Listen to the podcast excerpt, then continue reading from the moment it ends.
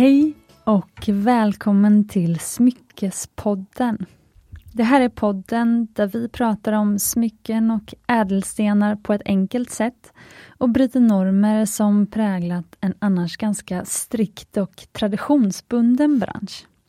Jag som talar heter Cecilia och för sju år sedan grundade jag ett smyckesmärke på ett hotellrum i Indien som fick heta Mumbai Stockholm. Idag gör vi alla smycken från grunden i fem ateljéer i Sverige. Och lilla Mumbai har faktiskt vuxit till att bli ett av de största smyckesuppmärkena i Sverige för äkta smycken. Alltså smycken gjorda utav guld och ädelstenar. Och jag brinner för att sprida kunskap kring just äkta smycken och ädelstenar och för att guida kvinnor och män till att skapa deras egna personliga smyckesgarderober. Och Det finns ju en kategori äkta smycken som kanske är lite mer ikoniska och mytomspunna än de andra. Och det är förstås diamantsmyckena som jag talar om. När man tänker på äkta smycken så tänker ju väldigt många på just diamanter. När man drömmer om sitt allra första smycke så kanske man drömmer om den där diamantringen, diamanthalsbandet eller diamantörhängena. Diamanter har ju blivit så synonymt med äkta smycken att många till och med kallar alla sina äkta smycken för sina diamantsmycken. Även om stenen i ens nya ring kanske i själva verket är en Safir. Och jag själv är ju inget undantag. Jag älskar också diamanter. Och faktum är att ju mer jag jobbar med ädelstenar, desto mer uppskattar jag diamantens storhet. Diamanten är ju unik i det att den liksom gnistrar igenom allt. Det gör inget om din ring blir smutsig, för diamanten gnistrar i alla fall. Till skillnad från andra ljusa stenar i min smyckesgarderob, till exempel topas, bergskristall eller morganit, som helst måste rengöras och hållas efter ganska ofta för att verkligen skimra. Och diamanten är också så himla tålig. Alltså jag är sällan särskilt orolig för att min sten ska slitas eller repas eller missfärgas, alltså vad jag än tar med den på för äventyr. Oavsett om jag skulle åka fyrhjuling i öknen i Marocko eller bada på en strand på Mallorca. Eller om jag på med den när jag rotar runt i jorden på balkongen, fast jag egentligen vet att jag borde ta med ringarna innan jag börjar påta i rabatten. Som bonus på alltihop så har vi också det att den passar i alla smycken. Man kan slipa diamanter hur stort eller hur smått som helst. Och det finns väldigt få slipningar som en diamant inte passar att slipas i. Medan till exempel en morganit inte slipas i riktigt små slipningar. Så du kan inte välja morganit som bara en liten detalj i en ring till exempel. Morganiten kommer ofta vara huvudnumret i smycket om du vill ha just en morganit. Men en diamant däremot, den kan slipas jättesmart och du kan strössla små briljanter på olika ställen och ha som accenter för att verkligen få smycket att gnistra. Diamanten behöver alltså inte alltid vara huvudnumret. Och då kan du ha en vacker morganit i mitten till exempel och sen bara dekorera med små diamanter runt om eller längs med ringbandet, om det är en ring för att verkligen framhäva den ljusrosa färgen i morganiten. Men tvärtom skulle alltså inte riktigt fungera, alltså att ha små morganiter i ringbandet. Men på det här sättet så är diamant en så otroligt mångsidig ädelsten och för en smyckesdesigner eller för vem som helst som vill matcha ädelstenar till ett personligt gnistrande smycke, så är det liksom svårt att inte älska den ädelstenen. Sen har vi ju däremot de här lite kluriga aspekterna när det kommer till diamanter. Du kanske har hört om till exempel blodsdiamanter, som många vet om, kanske framförallt på grund av, eller tack vare, filmen Blood Diamond. Och det händer faktiskt att kunder, när de kommer till vårt showroom, fortfarande frågar om blodsdiamanter. Trots att det var nästan 30 år sedan som det hände. Och så har vi ju det här med att i och med att diamanter är en statussymbol och en lyxprodukt, så drar det till sig en del skumma typer som är ute efter att göra snabba cash. Så man ska inte köpa diamanter direkt från gatan, precis som att man kanske inte ska köpa en Louis Vuitton-väska på en eh, bakgata på semestern. Allt det här tänkte jag att vi skulle prata om idag. Vi kommer reda ut vad blodsdiamanter egentligen är, om det är något man behöver vara orolig för idag. Och så kommer vi på ett förhoppningsvis enkelt sätt gå igenom begrepp som du kanske hört om, men kanske ändå inte riktigt vet vad det är, som Kimberley-process, diamantens 4C, GIA, diamantcertifikat och vad färggraderingen Wesselton och Top Wesselton egentligen innebär. Jag kallar helt enkelt det här avsnittet för det stora avsnittet om diamanter. Och så hoppas jag att här kommer bli ett sånt där avsnitt som du kan känna att du kan återkomma till. För när du sen har all kunskap som du kommer få i det här avsnittet, då kommer det bli väldigt roligt att lyssna på kommande avsnitt om diamanter. Jag har till exempel bjudit hit Carolina och Victoria igen, som kommer berätta om när du kanske helt kan strunta i vissa av delarna som du kommer lära dig idag. När kan du strunta i att försöka optimera diamantens 4C till exempel? För att istället investera i en helt egen personlig diamant som kanske är perfekt för dig. Och jag, liksom många av er som lyssnar, är faktiskt just nu själv på jakt efter min egen perfekt imperfekta diamant att addera till min smyckesamling. Så nu kör vi igång det stora avsnittet om diamanter.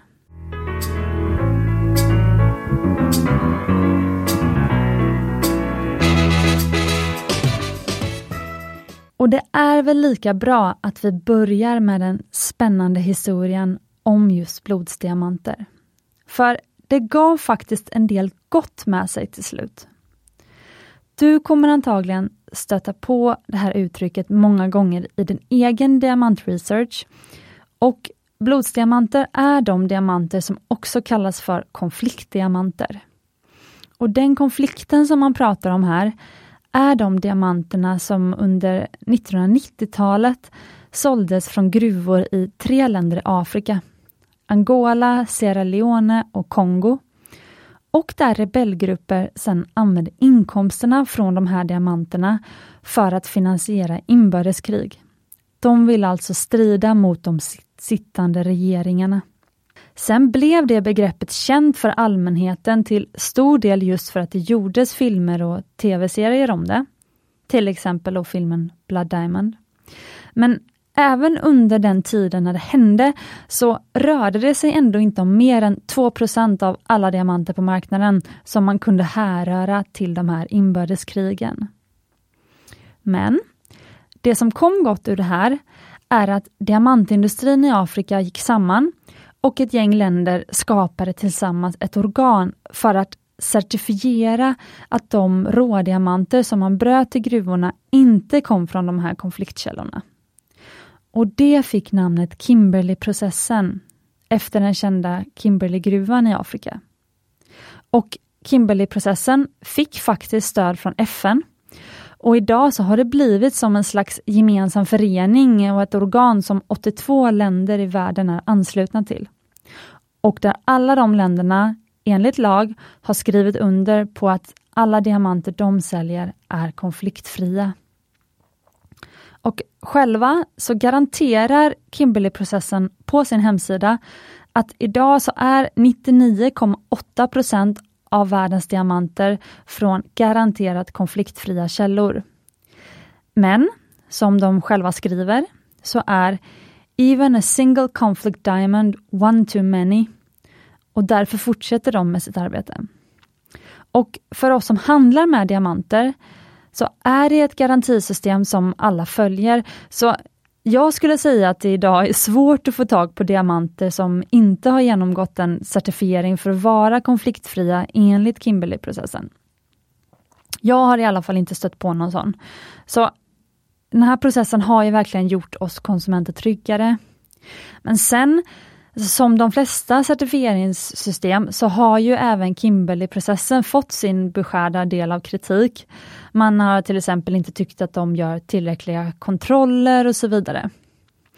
Men idag så skulle jag säga att etiken och moralen kring diamantindustrin framförallt handlar om samma saker som det gör för andra branscher som också har mycket av sin produktion i utvecklingsländer. Till exempel klädbranschen eller matindustrin. Och där handlar det ju snarare idag om miljömedvetenhet och att arbetsförhållandena är bra för arbetarna. Och, och det är liksom de aktuella frågorna idag snarare än krig.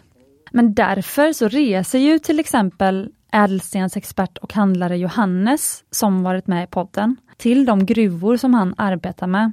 För han vill lära känna familjerna och gruvarbetarna på plats.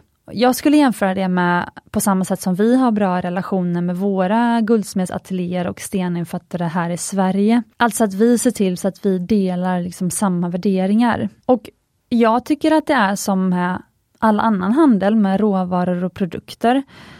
Oavsett om det är diamanter eller om man köper en ny bil, så finansierar man ju liksom alla led bak i kedjan som har arbetat med att ta fram produkten, inklusive de länder där produktionen sker. Men liksom handel är ju ett starkt påtryckningsmedel som man kan använda själv som privatperson. Och jag tycker verkligen att man ska lägga pengar på de företag där man vill supporta hela kedjan. Och Det tycker jag är viktigt med allt man gör, liksom när man väljer liksom restaurang att gå till på fredagskvällen och vart de köper in sina råvaror ifrån.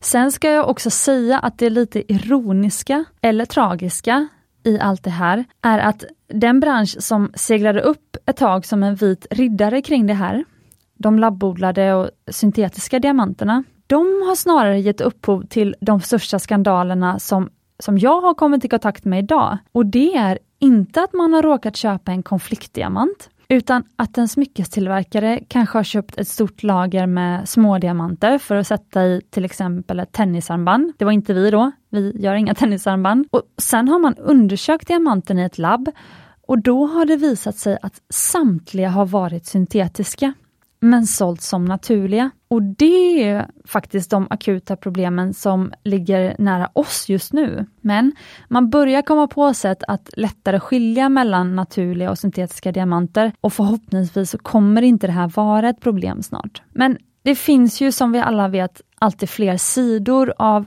ett mynt och nu när du lärt dig lite mer om diamanter eller kommer lära dig mer om diamanter. Så jag vill ju såklart att de här poddavsnitten ska bli konversationsämnen på dina kommande middagar med kompis och familj. Men då tycker jag att du ska veta alla de här delarna om branschen och vart vi är idag. Och som jag sagt tidigare i podden så tycker jag att inget går upp emot kunskap. Och ju mer information som kommer upp till ytan, desto mer kan vi ju alla påverka vad som händer i framtiden. För så magiskt material som diamanter är, så vill vi ju att de ska finnas kvar länge, länge och att vi med gott samvete ska kunna fortsätta använda dem i smycken. Jag kallar ju ädelstenar för naturens hårda blommor och man kan väl säga att diamanten är som pelargonen och jordgubbarna i rabatten. Din smyckeskollektion är liksom inte komplett utan diamantsmycken. Diamanten är den mest mångsidiga ädelstenen som klarar det mesta. Lite som att om du åker iväg flera veckor så är pelargonen den blomma på balkongen som fortfarande står och frodas när du kommer tillbaka. En liten side-note för trädgårdsnybörjaren så är alltså pelargonen ursprungligen en ökenväxt och därför klarar den faktiskt torka väldigt bra och den gillar sol. Och pelargonen kommer faktiskt från Sydafrika, precis som många diamantgruvor, så den har kanske lite mer gemensamt med diamanten än man kanske kunde tro. Men hur ska man veta vilken diamant man ska köpa? Precis som pelargoner så finns det ju en hel del. Men det känns, det känns ju ibland som att nästa diamantring bara är ett knapptryck bort från Google. Kan man söka på den billigaste konfliktfria diamanten och bara ta den då? Ja, för dig som lyssnar på Smyckespodden så tycker jag inte det. Jag tycker du ska lära dig om diamanternas olika kvaliteter, hur du kan göra avvägningar mellan dem och hitta just den diamant som känns rätt för just dig. Och diamanternas olika kvaliteter, de ska vi gå igenom nu. När det gäller vita diamanter, som nog är den sten som vi alla vill ha åtminstone en av i vår egen smyckesamling, så finns det faktiskt ett sätt att ta reda på att du köper en precis sån sten som du vill ha och har råd med. Och det är tack vare ett väldigt enkelt system som blivit känt över hela världen och som kallas för diamantens 4C. Om du lär dig de här fyra enkla egenskaperna så kan du enkelt sen skilja på två vita diamanter som kanske vid en första anblick ser helt lika ut. Och även här har vi ett uttryck som nog de flesta hört om, men som få egentligen har riktig koll på. Och jag tycker att alla bör ha en viss kunskap om de fyra scenerna eftersom det faktiskt kommer hjälpa dig bedöma kvaliteten på alla ädelstenar du träffar på under ditt liv. Inte bara diamanter. De fyra egenskaperna som man benämner som de fyra sena har nämligen att göra med hur man bedömer värdet på vilken ädelsten som helst. Och då blir det också mycket enklare att förstå varför de till exempel kostar så olika mycket. Jag brukar säga att det är sju faktorer som avgör hur åtråvärd en viss ädelsten är. Och alltså hur värdefull den är. Och de är färgen, storleken, alltså karaten, klarheten, slipningen, hårdheten, hållbarheten och hur sällsynt den är. Och om du jämför olika sorters stenar, till exempel om du jämför en topas och en diamant, så är det de tre sista faktorerna som spelar mest roll och som är anledningen till att topasen är så mycket billigare än en diamant. För Diamanten är både hårdare och mer hållbar och därför kommer nästan alltid diamanten vara dyrare. Det spelar liksom ingen roll hur fint slipad topasen är eller ens om den är mycket större och har en högre karat än diamanten. Diamanten kommer fortfarande vara dyrast. Men om du har två likadana stenar framför dig, till exempel om du väljer mellan två vita diamanter, vad avgör värdet då? Då är det istället de fyra första faktorerna som man tittar på. Färgen, storleken, klarheten och slipningen. På engelska kallas de för color, Carrot, clarity och cut. Och det är alltså därifrån som uttrycket de fyra sena kommer ifrån. Så det du gör är helt enkelt att jämföra de två diamanterna och titta på vilken är störst då borde den vara dyrast. Vilken har vackrast färg? Är båda verkligen kritvita eller kan man ana en ljusgul eller brun ton i någon av dem? Den som är vit bör vara värd mest. Hur ser stenarna ut om man tittar noga i dem? Kan man se någon intern inneslutning som en spricka eller en extern som en fläck på ytan på någon av stenarna? Den som ser mest klar ut, den bör vara dyrast. Och till sist har vi ju slipningen. Vilken sten framhävs mest av sin slipning? Vilken reflekterar ljus bäst eller gnistrar mest? Den som är vackrast slipad är antagligen också vackrast att se på och den stenen kommer i så fall vara dyrast. Och sen får man ju då göra en avvägning mellan de här fyra. Alltså vilken parameter tycker jag är viktigast? Det är sällan man hittar en sten som är perfekt på alla fyra. Och då gäller det att veta vad man själv prioriterar. Vill jag ha en så stor sten som möjligt, som kanske kan få ha några inneslutningar. Och den behöver inte heller vara helt kristallvit. Och precis så här har man ju i många hundra år tittat på ädelstenar och jämfört dem med varandra för att veta vilket pris man ska ta. Man har haft lite olika sätt att beteckna egenskaperna på. Till exempel på 1800-talet så gav man olika diamanter olika bokstäver som A, B och C för att signalera kvaliteten. Och man hade även bokstavskombinationer som AAA, AA och A. Eller AAA, AA och enkel A. Men problemet var att man använde olika beskrivningar i olika länder och det fanns ingen konsekvent kvalitetskontroll. Och Det här gjorde att det blev svårt med en världshandel av diamanter. Och det var faktiskt till slut en juvelerare som efter många år tog saken i egna händer när han märkte att branschen saknade en global standardisering. Och då skapade han år 1931 en ideell diamantorganisation som fick heta Gemological Institute of America, som förkortas GIA. eller GIA. Han hette Robert M. Shipley och han formulerade GIAs uppdrag så här. Jag tänker att jag läser upp det för det är ganska träffsäkert. Att säkerställa allmänhetens förtroende för ädelstenar och smycken genom att upprätthålla de högsta standarderna för integritet, akademi och vetenskap och professionalism genom utbildning, forskning, laboratorietjänster och instrumentutveckling. Han ville helt enkelt bygga upp en vetenskaplig grund som många andra branscher vid den här tiden också vilade på. Och på ett enkelt sätt så kan man väl säga att han ville professionalisera ädelstensindustrin via utbildning. Vilket ju ironiskt nog är lite som mitt mål med Smyckespodden, om än i något mindre skala. Men under den här tiden så började de fyra sena för att jämföra olika diamanters kvalitet spridas hos juvelerare och även Shipley lärde sig om dem.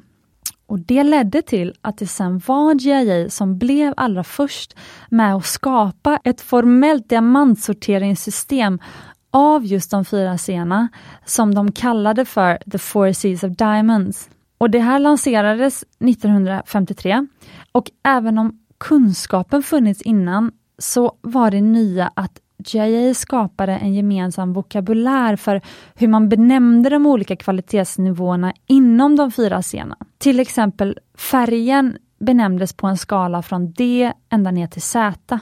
Och Tanken var att genom att använda ett och samma system så skulle det underlätta att handla med diamanter över hela världen. Så man skulle kunna skapa den här globala handeln med diamanter.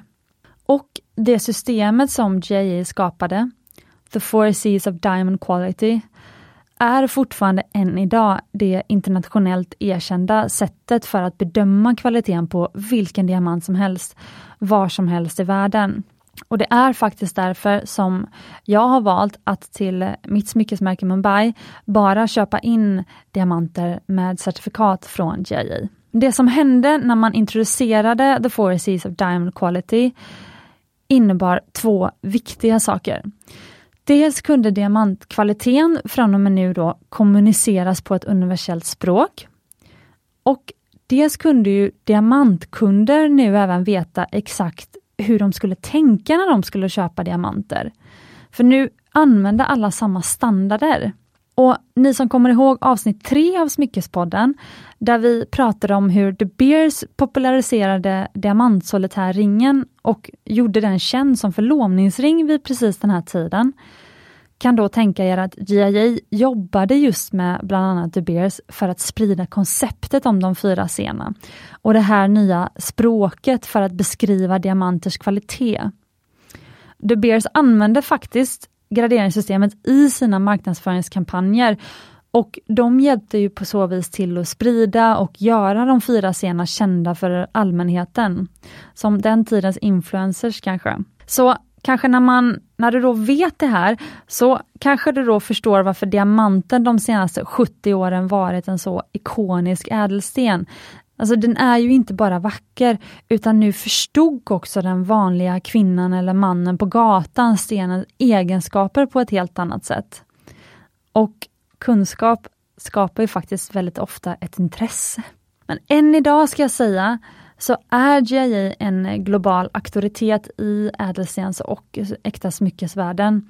Och många anser det som sagt fortfarande vara den allra mest pålitliga källan för opartisk bedömning av diamanter. Och en diamant skickas till GIAs labb för undersökning när den är slipad och klar. Då får den sitt certifikat och säljs sen till exempel till oss men du kan faktiskt själv skicka in din diamant till GI och få den bedömd av dem. Men då måste den först fattas ut i smycke, om den sitter i ett. För GI tar bara emot lösa stenar. Och Då undersöker de diamanten och estimerar kvaliteten genom att titta på de fyra sena. Carat, cut, color och clarity. Men de värderar den inte. Så JA kommer inte säga det här är din diamant värd, utan istället så får du en rapport, ett JA-certifikat, som beskriver diamanten och resultatet av graderingen. Till exempel din diamant fick en gradering SI1 i klarhet och F i färg. Så du kommer alltså få ett certifikat med beskrivning av din diamants färg, klarhet, slipning och exakt karat. Men inte ett pris. För de certifierar, de värderar inte. Och sen är det marknaden, utbud och efterfrågan, som bestämmer priset. Och nu är det ju såklart väldigt spännande att ta reda på. Vad innebär då de fyra olika scenerna? Vad ska du titta efter i din diamantjakt? Och hur kan du förstå certifikaten på de diamanter som du tittar på?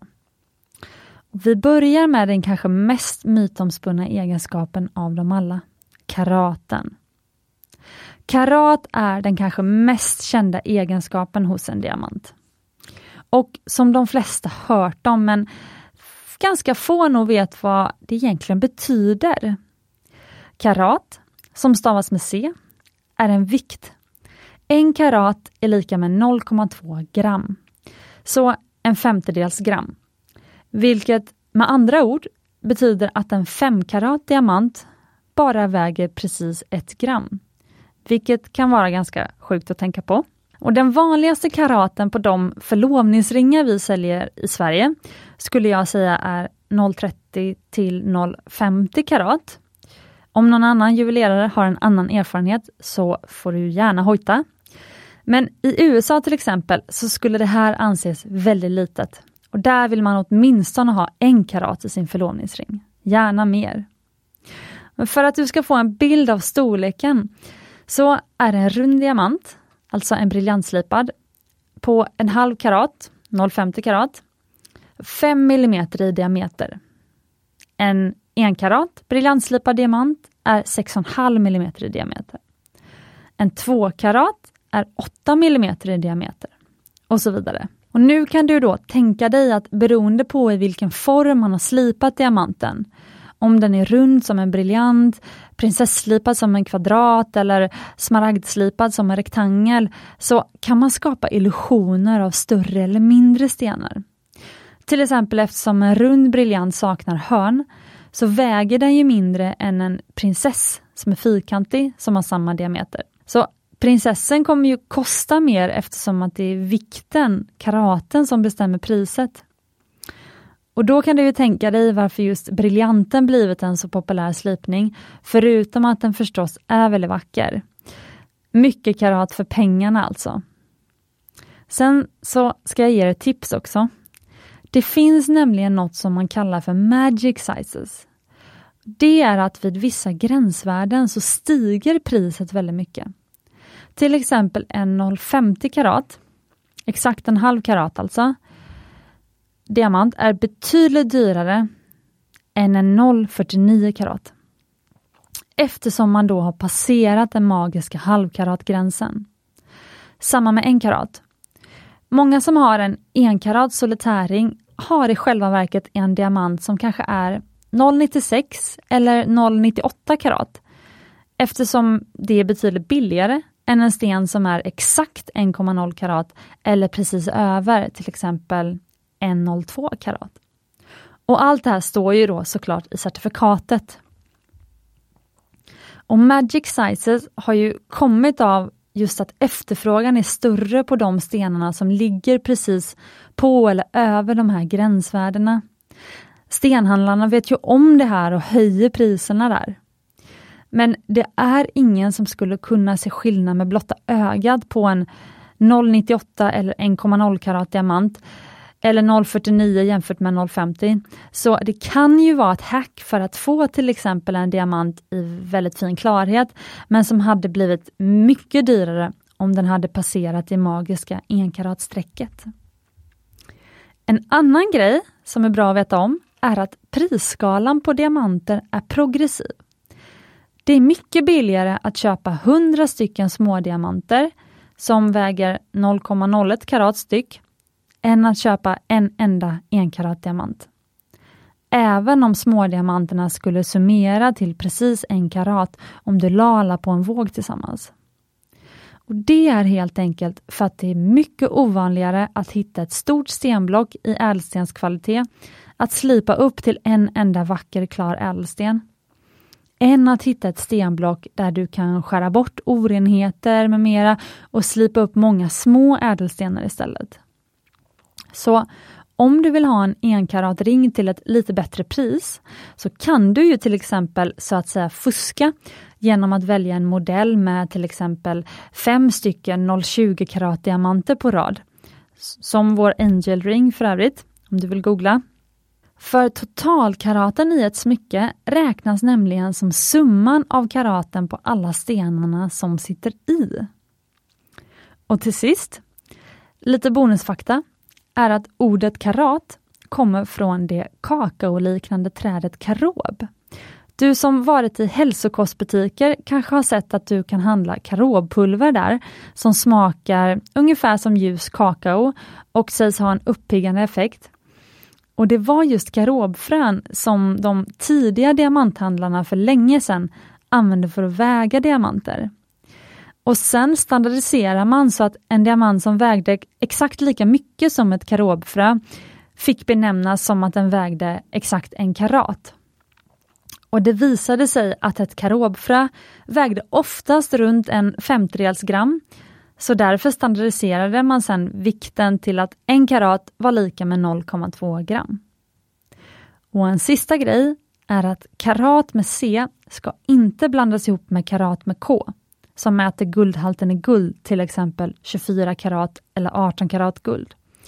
Det är något helt annat och det kan du höra mer om i avsnitt 5 av Smyckespodden faktiskt. I slutet av det avsnittet så svarar jag på en lyssnarfråga om just guldkarat.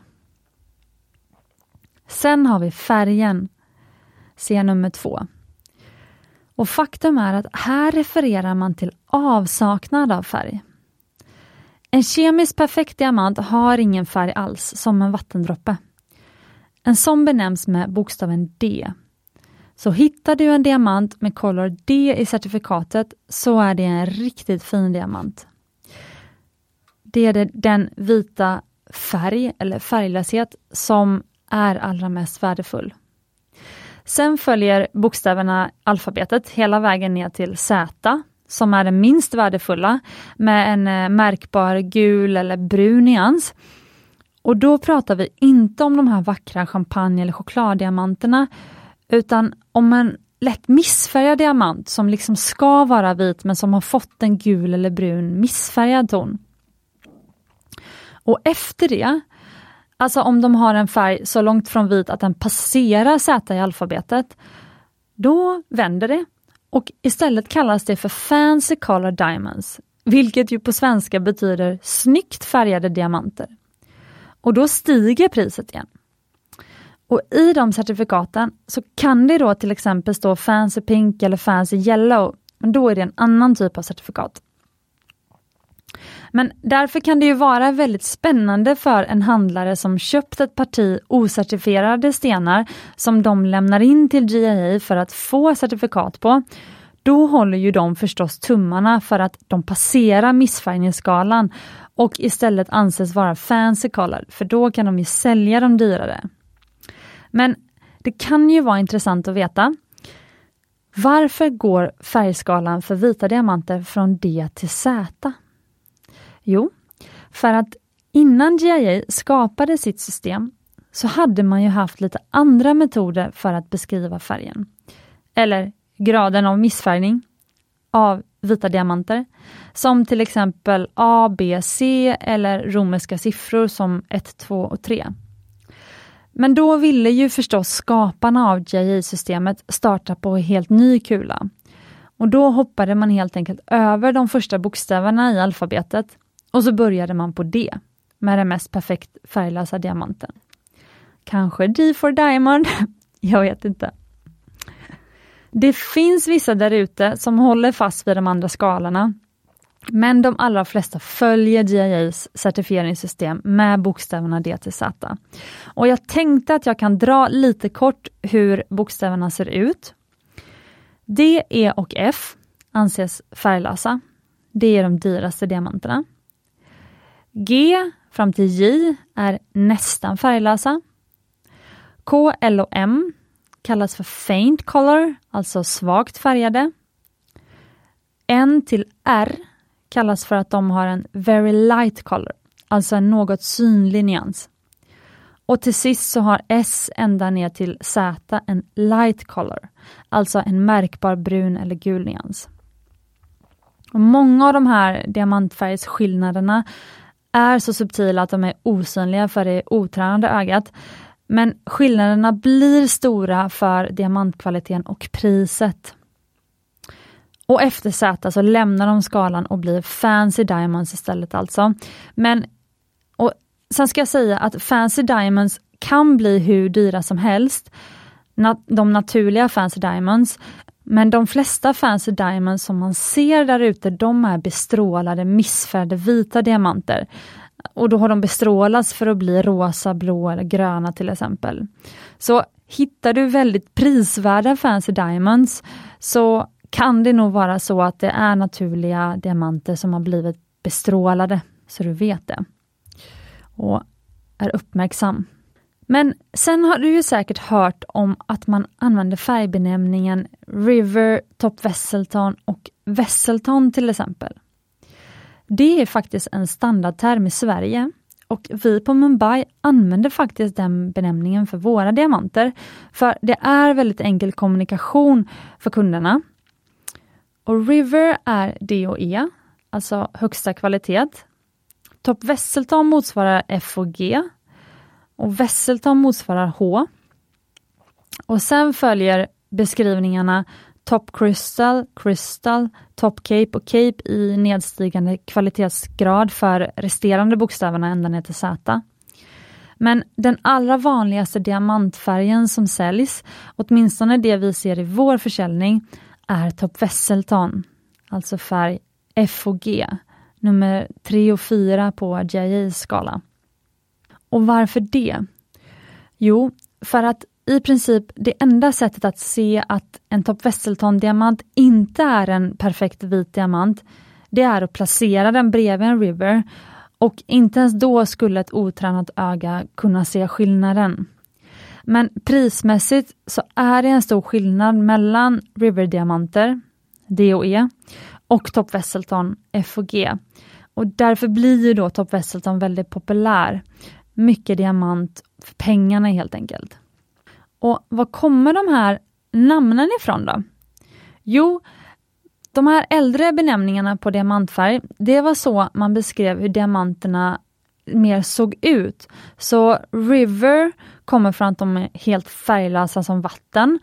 Men det sägs också att det var för att man hittade dem i rinnande vatten. Eller så kommer det utifrån vilket geografiskt område man hittade dem. Så Wesselton och Topp Wesselton kommer från att man brukade hitta en viss typ av diamanter i Wesseltongruvan. Och Cape kommer från ljust gula diamanter som hittades i en gruva i närheten av Cape Town, eller Kapstaden. Och sen fanns det också en benämning Jagger för färglösa diamanter som hade stark fluorescerande effekt som man också hittade i en gruva i Sydafrika. Men och faktum är att i färgkvalitetsbedömningen tar gemologer även med fluorescens, alltså om diamanter avger synligt ljus under ultraviolett strålning som starkt solljus. Och fluorescens graderas från ingen till svag till mycket stark. Och Många vill helst ha så lite som möjligt eller ingen fluorescens, men andra bryr sig inte alls. Och Det har till och med blivit så att vissa vill ha fluorescens. Man har också märkt att det kan vara ett sätt att se om en diamant är naturlig och jämföra dem med labbodlade. Nästa C är klarheten, clarity. Och diamantens klarhet hänvisar till hur felfri själva kristallen är, alltså om den har några interna inneslutningar. Och även här så graderar man utifrån frånvaro av inneslutningar och fläckar. Och Varje diamant får då en klarhetsklass som är baserad på hur många och hur synliga bristerna är, men även var de sitter någonstans i ädelstenen. Och ingen diamant är perfekt ren och klar, eller väldigt få. Och För att förstå varför diamanter har inneslutningar så kan det vara bra att först förstå hur diamanter bildas. För naturliga diamanter är ju resultatet av kol som har utsatts för enorm värme och tryck djupt nere i jordskorpan. Och Den här processen kan resultera i en mängd olika bristningar som vi då kallar inneslutningar. Eller på ytan som kallas för fläckar, blemishes på engelska. Och att utvärdera diamantens klarhet innebär då att man ser till antalet, storleken och placeringen, var någonstans i den färdigslipade ädelstenen som inneslutningarna och fläckarna sitter och hur de då påverkar stenens övergripande utseende. Och precis som färgskalan så utvecklades GIAs system för klarhetsgradering eftersom att juvelerare använde termer som kunde tolkas felaktigt, till exempel loop clean eller piqué. Och idag, även om du köper en diamant någon annanstans i världen, så använder juveleraren som du köper av antagligen samma termer som GIA också på engelska. Så jag tänkte ta dem på engelska. För GIAs Diamond Clarity Scale har sex huvudkategorier med lite små kategorier emellan. Och allt det här gäller för 10 gånger förstoring. Och då är den finaste är flawless. Inga synliga inneslutningar eller fläckar. Nästa steg är internally flawless. Inga synliga inneslutningar, men däremot kan det vara vissa på ytan. Och sen kommer very, very slightly included. Inneslutningar som är så små att det är svårt för en duktig graderare att se dem. Och Det här förkortas då VVS. Och de andra förkortades med F eller IF, flawless eller internal flawless.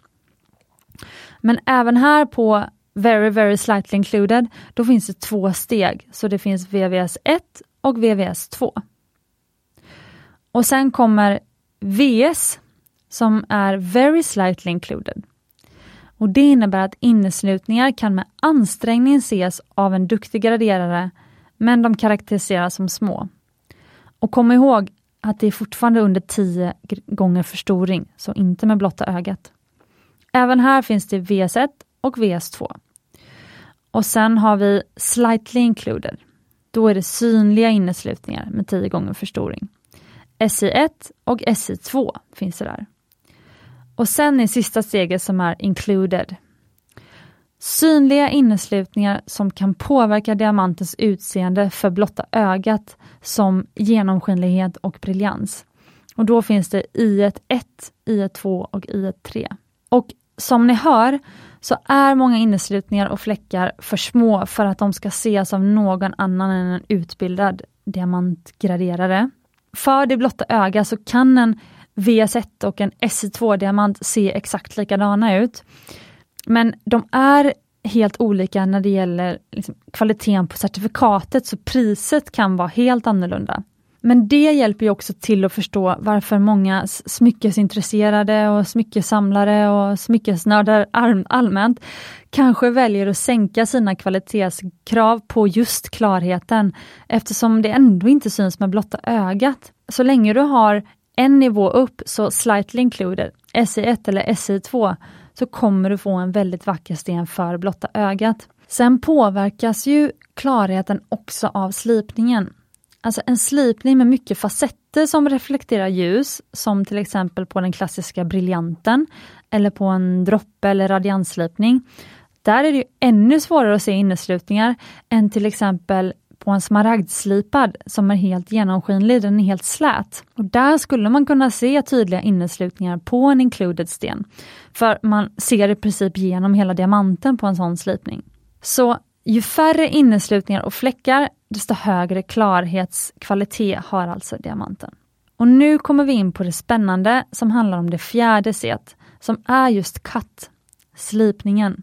Diamanter är kända för sin förmåga att reflektera ljus och det här att de gnistrar så intensivt. Och Vi tänker ju ofta på en diamantslipning som en form, rund, fyrkantig, oval, droppe.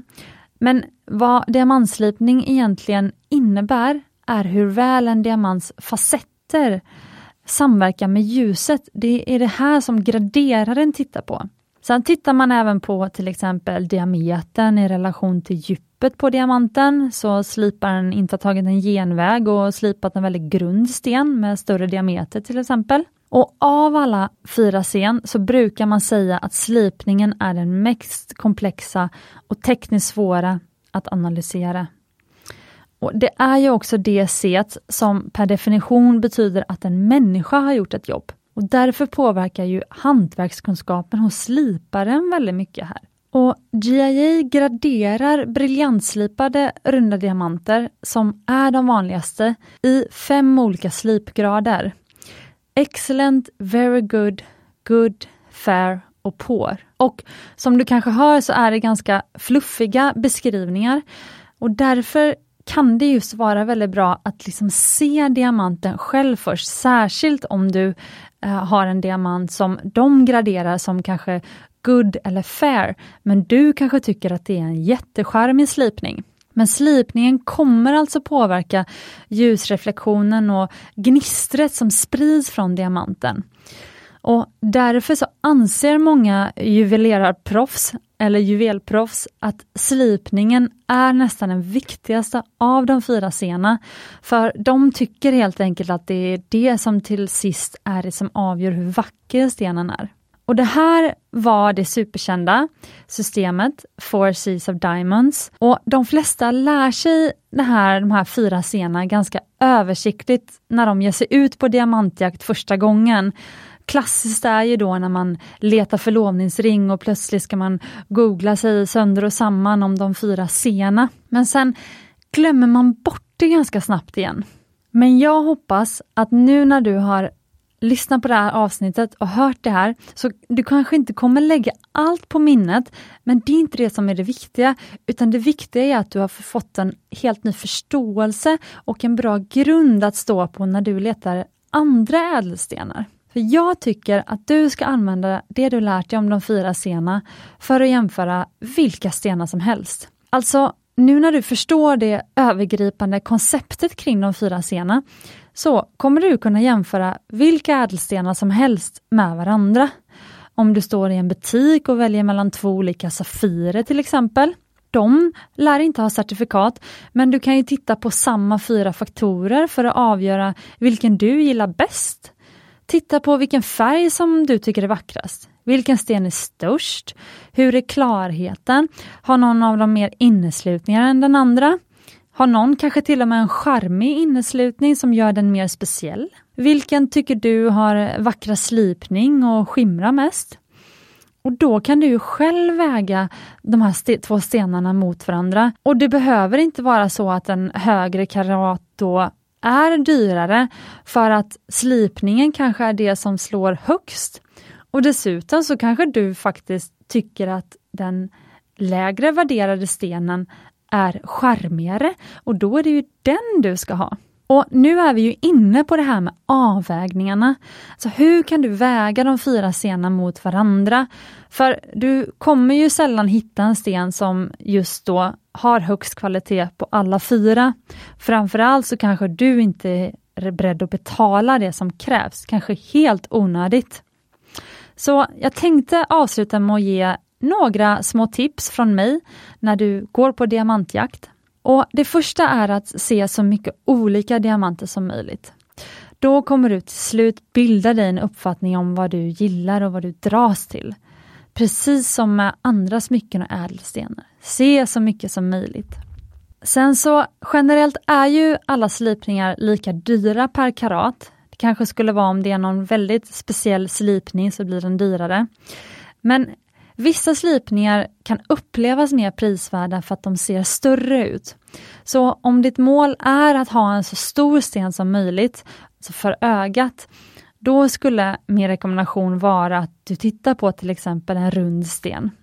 Ett exempel är att en rund enkarat briljantslipad diamant är 6,5 mm i diameter, som jag sa tidigare, medan en enkarat prinsess, som är en eh, kvadratisk sten, den är bara 5,5 mm i diameter. Så briljanten ser större ut och kan då upplevas mer prisvärd per karat. Och samma om du vill ha en avlång sten. Då är ju en markis eller droppformad diamant längre än samma karat på smaragdslipad. För att markisen är formad som ett öga och smaragdslipningen är formad som en rektangel. Mycket mer vikt på smaragdslipningen alltså. Och Både smaragdslipning och markis är ju för övrigt väldigt vackra slipningar som har mycket vinterkänsla, tycker jag. Och sen så är mitt tredje tips, våga gå utanför GIA-certifikaten. Alltså ju mer kunskap du har, till exempel nu när du verkligen har förstått hur de certifierar, så kan du ju sen göra på ditt alldeles egna sätt och leta efter stenar som inte alls passar in i de fyra sena. Alltså till exempel gammalslipade diamanter som vi pratar om i podden är ju en slipning som inte graderas av GIA. Den skulle få betyget undermålig slipning. Gammalslipad är också det som vi kallar antikslipad. Och de är ju osymmetriska och ojämna och det är ju det som jag och många med mig tycker är som gör dem så vackra. Men när man bedömer slipning enligt de fyra sena, då bedömer man ju briljantslipade runda diamanter, bland annat just för slipningens symmetri. Och samma med färgen. De antikslipade diamanterna eller de gammelslipade diamanterna, de skulle antagligen ha alldeles för mycket tint åt något håll.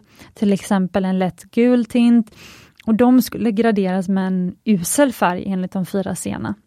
Och det här är ju till exempel anledningen till att man liksom inte kanske bryr sig om att gradera antikdiamanter och certifiera dem, för att de fyra sena gör dem inte rätta, eller det systemet som heter The Diamonds Four Seas.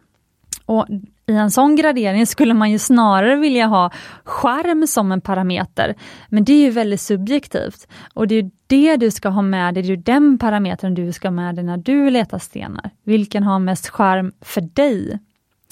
Men det kanske är just det här som gör att de som kan och vet allra mest om diamanter och har lärt sig de fyra sena utan till och verkligen förstår diamantgradering, när de köper diamanter till sig själv så letar de ju efter kanske helt ograderade, ocertifierade, gamla vintage, gammalslipade antikdiamanter. Och ju mer du kan om de fyra sena, desto mer kan ju du leta utanför ramarna efter de där härliga, unika gamla stenarna som saknar certifikat, men där du får skärmen. Men vill du göra det, så rekommenderar jag att du tar hjälp av någon duktig för att säkerställa att etiken bakom diamanten är bra och att leverantörskedjan är bra. Och även att du inte blir lurad på pris eller att du köper en naturlig diamant men får en syntetisk och alla de här delarna. Så lita på din handlare. Vilket leder mig in på mitt sista tips som är att höja, jag vill höja ett litet varningens finger. Det finns ingen gratis lunch, brukade jag höra när jag gick på Handels i Stockholm. Det innebär att om något verkar för bra för att vara sant, så är det ofta det. Någon annan får ofta betala för det i slutändan.